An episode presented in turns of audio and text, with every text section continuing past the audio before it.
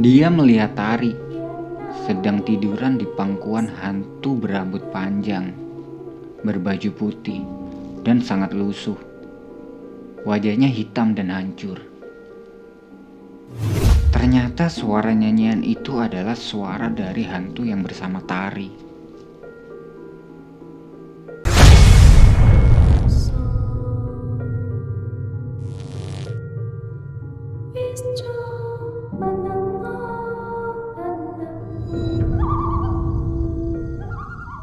Halo teman-teman, di mana pun kalian berada semoga tetap sehat selalu. Masih dengan gua Vidi. Di video kali ini, gua mau bawain sebuah cerita mistis dari Gunung Arjuno. Jadi waktu itu, Adit dan ketiga rekannya sedang mendaki ke Gunung Arjuno yang terletak di Jawa Timur. Di sepanjang perjalanan mendaki ke gunung itu, dia merasakan ada yang aneh dengan salah satu temannya yang bernama Tari. Hingga akhirnya dia tahu kalau Tari adalah Penasaran nggak? Ya udah, kalau gitu tonton video ini sampai selesai. Oh iya, aku mau ngasih tahu nih. Cerita ini juga tayang di channel Good Night. Channel itu sengaja dibuat dengan tema yang sama, tapi konsep yang berbeda. Kalau di sini kan aku menceritakan tokoh yang ada di dalam ceritanya. Tapi kalau di channel Good Night, aku bercerita sebagai tokoh yang ada di dalam ceritanya.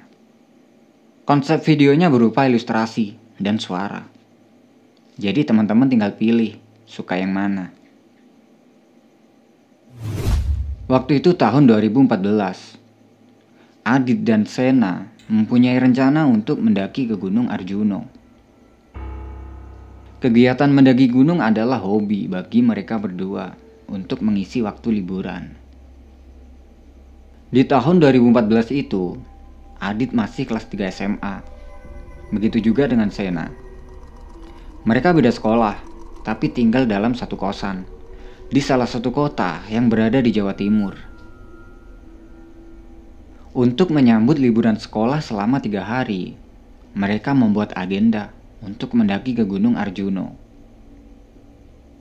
Karena ini adalah pendakian pertamanya ke Gunung Arjuno, jadi mereka tidak berdua. Adit meminta kepada Sena agar mengajak teman sekolahnya untuk ikut mendaki. Karena teman sekolahnya Adit tidak ada yang suka mendaki gunung. Akhirnya, Sena pun mengajak teman sekolahnya yang bernama Ragil dan Tari. Mereka berdua berpacaran. Setelah Ragil dan Tari menerima ajakan dari Sena, di kosan Adi dan Sena mempersiapkan semua peralatan yang dibutuhkan untuk mendaki minggu depan. Karena ini adalah pendakian pertamanya ke Gunung Arjuno, mereka memutuskan untuk mendaki via Purwosari di Pasuruan. Karena menurut seniornya, jalur Purwosari dominan lebih sering dilewati oleh pendaki yang akan mendaki ke Gunung Arjuno. Singkat cerita, setelah semua persiapan sudah matang, mereka tinggal menunggu hari pemberangkatan. Sebelum hari pemberangkatan, Sena meminta kepada Ragil dan Tari untuk melatih fisiknya. Lima hari kemudian, tibalah hari pemberangkatan ke Gunung Arjuno. Sebelum berangkat, mereka berkumpul di kosan Adit dan Sena. Setelah berkumpul, Adit berkenalan dengan Ragil dan Tari dengan tujuan agar lebih akrab. Siang itu mereka berangkat menuju ke base camp jalur pendakian Gunung Arjuno via Purwosari. Setelah 1,5 jam perjalanan, Sampailah mereka di pos pendakian. Sesampai di situ mereka istirahat sebentar, kemudian mengurus Maksi. Setelah mengurus Maksi, sore itu juga mereka memulai pendakian. Mulai berjalan. Karena kondisi trek yang masih landai, mereka jalannya pelan-pelan dengan posisi Sena paling depan dan Adit paling belakang. Satu jam kemudian, Sampailah mereka di pos 1 yang dinamakan Guo Unto Boego. Sesampai di situ, mereka bertemu dengan satu rombongan yang akan turun. Melihat rombongan itu, mereka memutuskan untuk istirahat sebentar dengan tujuan untuk menyapa rombongan itu. Setelah break dan menyapa rombongan yang berjumlah enam orang itu, tiba-tiba salah satu dari rombongan itu terlihat kaget dan mengucap istighfar. Mendengar itu mereka terkejut. Kemudian Adit bertanya, "Ada apa, Mas?" Pendaki yang mengucap istighfar itu, dia tidak menjawab dan hanya tercengang. Lalu salah satu teman dari rombongan itu menepuk pundaknya dan berkata, "Woi, kenapa?" Barulah dia menjawab pertanyaan Adit. Di belakang sampean tadi ada yang lewat, Mas. Setelah mendengar itu, Adit sedikit gugup. Dalam hati dia berkata, apa jangan-jangan orang ini melihat makhluk halus? Karena di sisi lain, pos satu itu adalah tempat ziarah bagi pendaki spiritual. Bisa dibilang itu adalah tempat keramat. Bulu kuduk Adi tiba-tiba berdiri setelah mendengar ucapan dari pendaki itu. Lalu, salah satu dari mereka berkata sambil tertawa. Cewek apa cowok? Cantik nggak? Dan perkataan dari temannya itu membuat bulu kuduk Adit yang tadi berdiri sudah tidak lagi. Mereka pun menanggapinya dengan tertawa dan menganggap itu hanyalah lelucon. Adit pun mencoba melupakannya, meskipun sebenarnya dia merasa sedikit takut. Kemudian mereka lanjut berjalan ke pos 2. Di perjalanan menuju pos 2, tepatnya ketika melewati sebuah sendang, Adit yang waktu itu berjalan paling belakang, tiba-tiba merasakan ada sesuatu yang mengikuti di belakangnya. Adit pun mencoba untuk tidak menghiraukannya. Dia menganggap itu hanyalah perasaannya saja, karena terbawa suasana ketika berada di pos 1 tadi. Sesampai di pos 2 mereka tidak beristirahat, dan lanjut menuju ke pos 3. Sesampainya di pos 3, barulah mereka istirahat di sebuah bangunan kecil yang berwarna hijau. Di pos 3 itu Adit mengeluarkan makanannya untuk dimakan bareng-bareng. Nah, di sini tiba-tiba Adit melihat sesuatu yang tidak logis. Waktu itu mereka duduk berjajar dengan posisi Sena paling kanan dan Tari paling kiri, bersebelahan dengan Ragil. Adit melihat ada sebuah rambut dari wanita lain yang ikut duduk bersama mereka, tepatnya di sebelah kirinya Tari. Melihat itu, Adit berdiri dari duduknya dengan tujuan untuk melihat lebih jelas lagi rambut itu. Tapi ketika dia berdiri, rambut itu sudah tidak terlihat lagi. Yang ada hanyalah rambutnya Tari yang tertutup topi sebagian. Adit pun duduk lagi dan perasaannya semakin deg-degan. Karena hari semakin sore, mereka pun melanjutkan perjalanan menuju ke pos 4. Mereka berjalan dengan posisi yang sama. Sena paling depan dan Adit paling belakang. Sesampainya di pos 4, hari mulai gelap. Mereka pun berhenti sebentar untuk mempersiapkan alat penerangan. Dan di pos 4 ini, tiba-tiba Tari mengeluh kecapean. Kemudian Sena mengajaknya untuk lanjut berjalan lagi, dengan tujuan agar segera sampai di pos terakhir dan mereka bisa ngecamp. Lanjut berjalan dengan langkah pelan. Lagi-lagi, Adit merasakan hal yang sama ketika dia sedang berjalan menuju ke pos 2 tadi. Dia merasa seperti ada yang mengikuti di belakangnya. Sambil berjalan, Adit pun sesekali menoleh ke belakang. Tapi tidak terlihat ada siapa-siapa di belakangnya.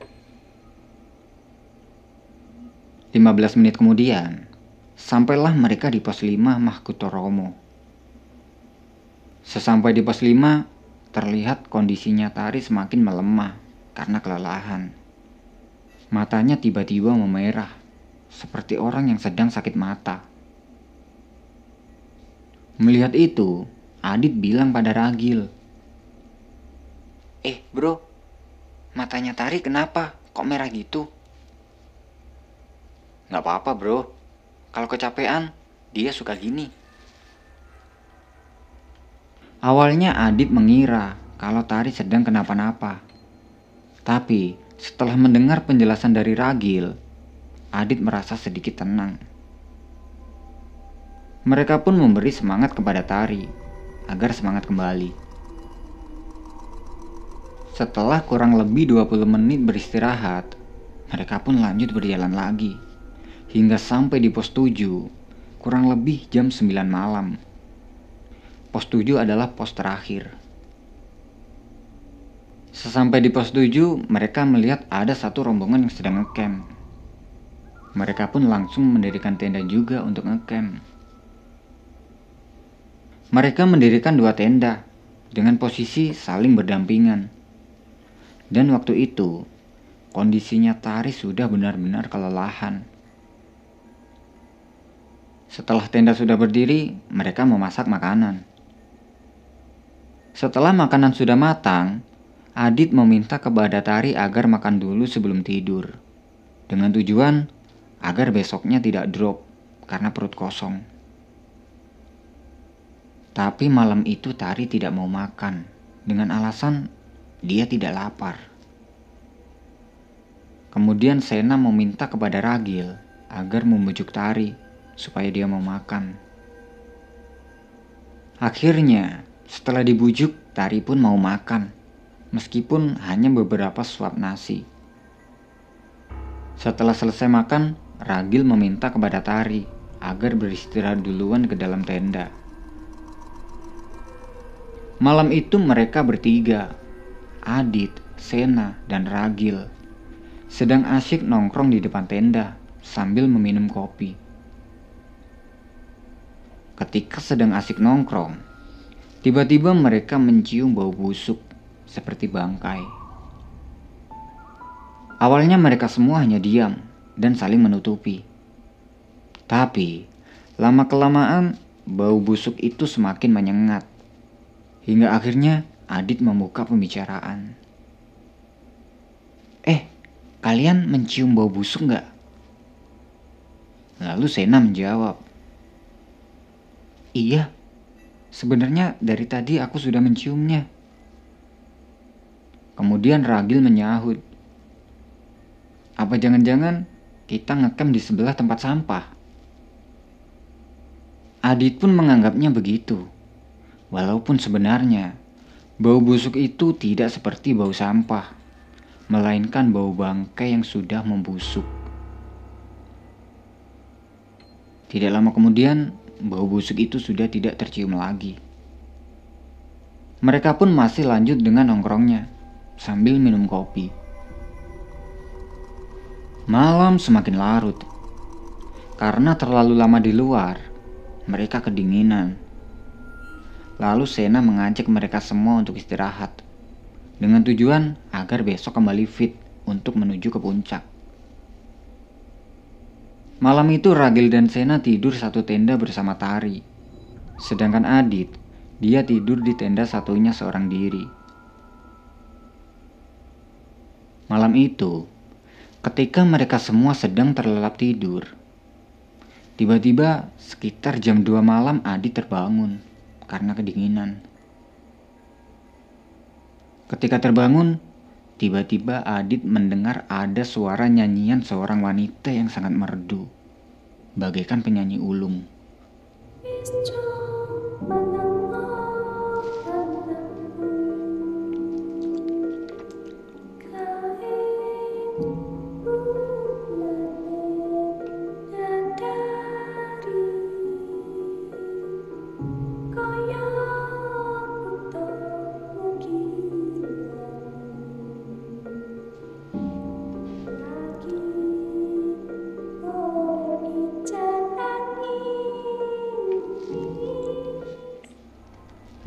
Mendengar suara itu, Adit benar-benar merinding.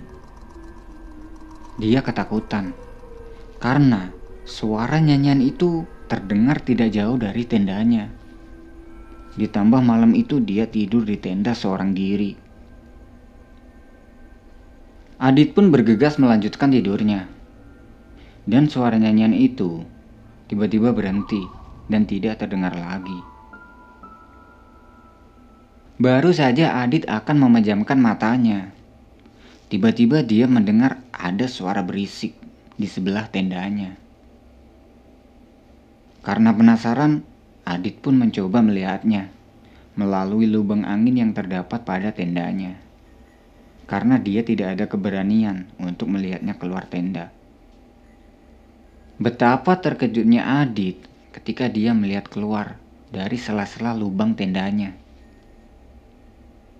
Dia melihat Tari sedang tiduran di pangkuan hantu berambut panjang, berbaju putih, dan sangat lusuh. Wajahnya hitam dan hancur. Adi tidak tahu harus menyebut hantu itu apa, karena ini baru pertama kalinya dia melihat hantu secara nyata. Meskipun waktu itu Pandangannya sedikit terhalang oleh tenda bagian dalamnya. Dan hantu itu terlihat sedang mengelus rambutnya Tari. Melihat itu Adit benar-benar ketakutan. Kemudian dia bergegas ke posisi tidurnya dan menutupi seluruh tubuhnya dengan sleeping bag. Tidak lama kemudian, suara nyanyian merdu kembali didengarnya tepat dari arah sebelah tenda yang terdapat Tari dan hantu tadi. Adit pun mencoba menyimpulkannya. Ternyata suara nyanyian itu adalah suara dari hantu yang bersama Tari. Suara itu terus terdengar di telinganya Adit. Dan tidak terasa, suara nyanyian itu membuat Adit tertidur lelap hingga keesokan hari. Pagi pun tiba. Sekitar pukul 6 pagi, Adi terbangun karena Sena membangunkannya. Setelah bangun, sekejap Adit lupa tentang kejadian yang semalam dilihatnya. Dia pun keluar tenda, membuat kopi untuk menghangatkan tubuhnya. Pagi itu terlihat rombongan yang semalam ngecamp di situ sudah tidak ada. Mungkin mereka sudah samit duluan. Ketika sedang membuat kopi, tiba-tiba dia ingat tentang kejadian yang semalam dilihatnya. Adit pun bertanya kepada Sena. Sen, Tari udah bangun belum? Belum. Masih tidur di tenda sama Ragil. Memangnya kenapa? Adit pun bertanya lagi kepada Sena. Semalam Tari ke mana? Apa di tenda? Gak tahu. Semalam aku tidur pulas. Emangnya kenapa, Dit? Semalam aku melihat ada yang aneh dengan Tari. Mendengar itu, Sena berkata pada Adit agar tidak melanjutkan ceritanya dan memintanya untuk menceritakan nanti saja kalau sudah di rumah. Mereka pun lanjut membuat kopi. Setelah kopi sudah jadi, terlihat Ragil baru bangun dari tidurnya. Dia keluar tenda dan bergabung bersama Adit dan Sena. Setelah bergabung, Adit bertanya pada Ragil. Bro, Tari udah bangun? Ragil menjawab. Belum, masih tidur di dalam. Awalnya, Adit ingin menanyakan hal yang sama kepada Ragil. Tapi, tiba-tiba Sena memegang punggungnya, memberi kode agar tidak menanyakan hal itu kepada Ragil. Akhirnya, Adit pun tidak jadi bertanya. Dan pagi itu, mereka bertiga memasak untuk perbekalan mereka menuju ke puncak. Ketika masakan sudah matang, Sena meminta kepada Ragil agar membangunkan Tari untuk makan. Tari pun bangun dan keluar tenda untuk makan. Setelah keluar tenda, matanya Tari masih terlihat memerah. Dan Adit, dia merasa ketakutan, terlebih ketika dia melihat Tari. Dia teringat kejadian yang semalam dilihatnya. Setelah selesai makan, mereka pun bersiap-siap untuk melanjutkan perjalanan ke puncak. Sebelum berangkat, Sena sempat bertanya kepada Tari tentang keadaannya. Dan Tari pun menjawab dia baik-baik saja. Kurang lebih pukul 7 pagi, mereka memulai perjalanannya menuju ke puncak dan meninggalkan tendanya di pos 7. Mulai berjalan. Posisi mereka masih sama. Sena paling depan dan Adit paling belakang. Ketika sampai di alas lali jiwo, posisi mereka berubah. Ragil dan Tari sudah berjalan duluan di depan, sedangkan Sena dan Adit, dia di belakang. Sambil berjalan itu, Adit mengobrol dengan Sena, membahas sedikit soal Tari. Ketika sedang membahas Tari, tiba-tiba dari atas Tari menatap tajam ke arah Adit dengan mata merahnya. Melihat Tari yang sedang menatap tajam ke arahnya, spontan Adit pun berhenti untuk membahasnya. Seolah-olah Tari tahu kalau Adit sedang membicarakannya. Perasaan Adit pun semakin takut, terlebih kepada Tari.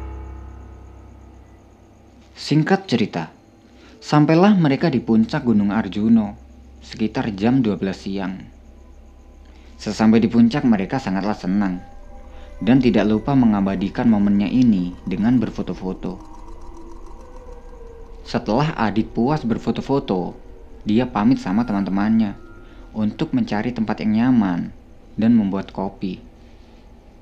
Waktu itu teman-temannya masih asyik berfoto-foto. Setelah menemukan tempat yang dirasa nyaman, Adit pun mengeluarkan kompor dan nestingnya dan lanjut membuat kopi. Ketika sedang sibuk membuat kopi, tiba-tiba dia dikagetkan dengan kedatangan Tari. Melihat kedatangan Tari, Adit benar-benar gugup. Karena jujur saja, setelah kejadian yang semalam dilihatnya, Adit benar-benar merasa takut kepada Tari. Lalu Tari duduk di sebelahnya dan bertanya sesuatu yang membuat Adit kebingungan untuk menjawabnya.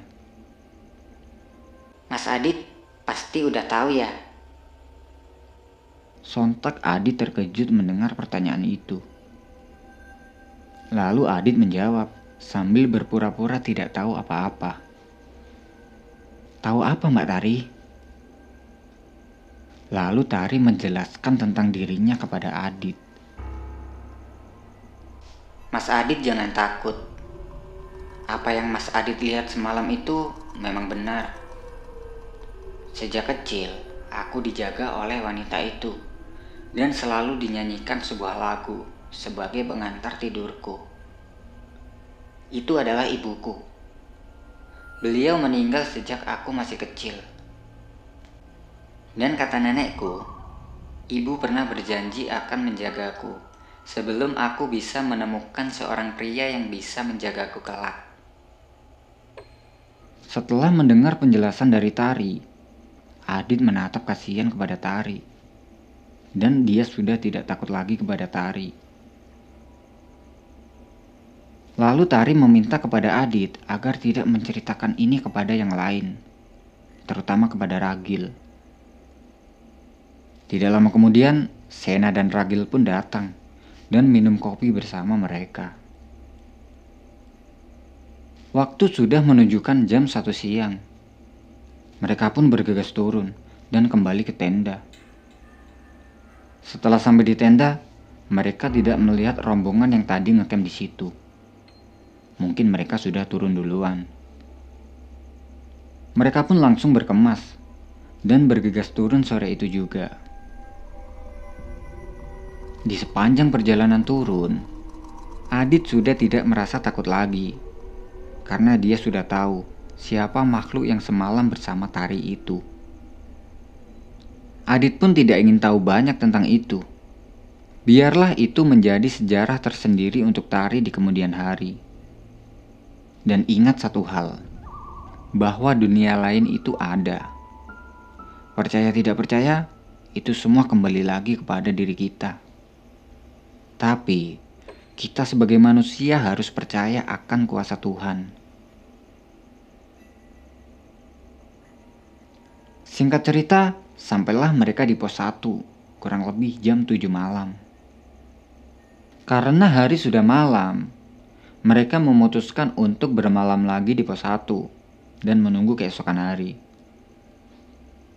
Malam itu mereka tidur dengan posisi yang sama. Sena, Ragil, dan Tari tidur dalam satu tenda. Sedangkan Adit, dia tidur di tenda sendiri. Dan malam itu, Adit mendengar suara nyanyian dari ibunya Tari lagi. Tapi Adit sudah tidak takut. Justru dia malah terbawa oleh nyanyian itu hingga terlelap tidur. Pagi pun tiba. Setelah bangun, mereka pun bergegas turun ke base camp dan pulang dengan selamat. Sesampai di kosan, Sena sempat bertanya kepada Adit tentang Tari selama di Gunung Arjuno itu. Tapi Adi tidak menceritakan kepada Sena. Dengan alasan, apa yang dilihatnya waktu itu hanya halusinasinya saja dan tidak nyata. Nah, gimana ceritanya teman-teman? Kasih pendapat kalian di kolom komentar. Buat teman-teman yang punya cerita mistis di gunung ataupun di tempat lain dan ingin di-share di channel ini, Teman-teman bisa kirimkan ceritanya ke email ini. Atau lebih lengkapnya teman-teman bisa cek di kolom deskripsi. Terima kasih sudah menonton. Gua Vidi dan sampai bertemu di video berikutnya.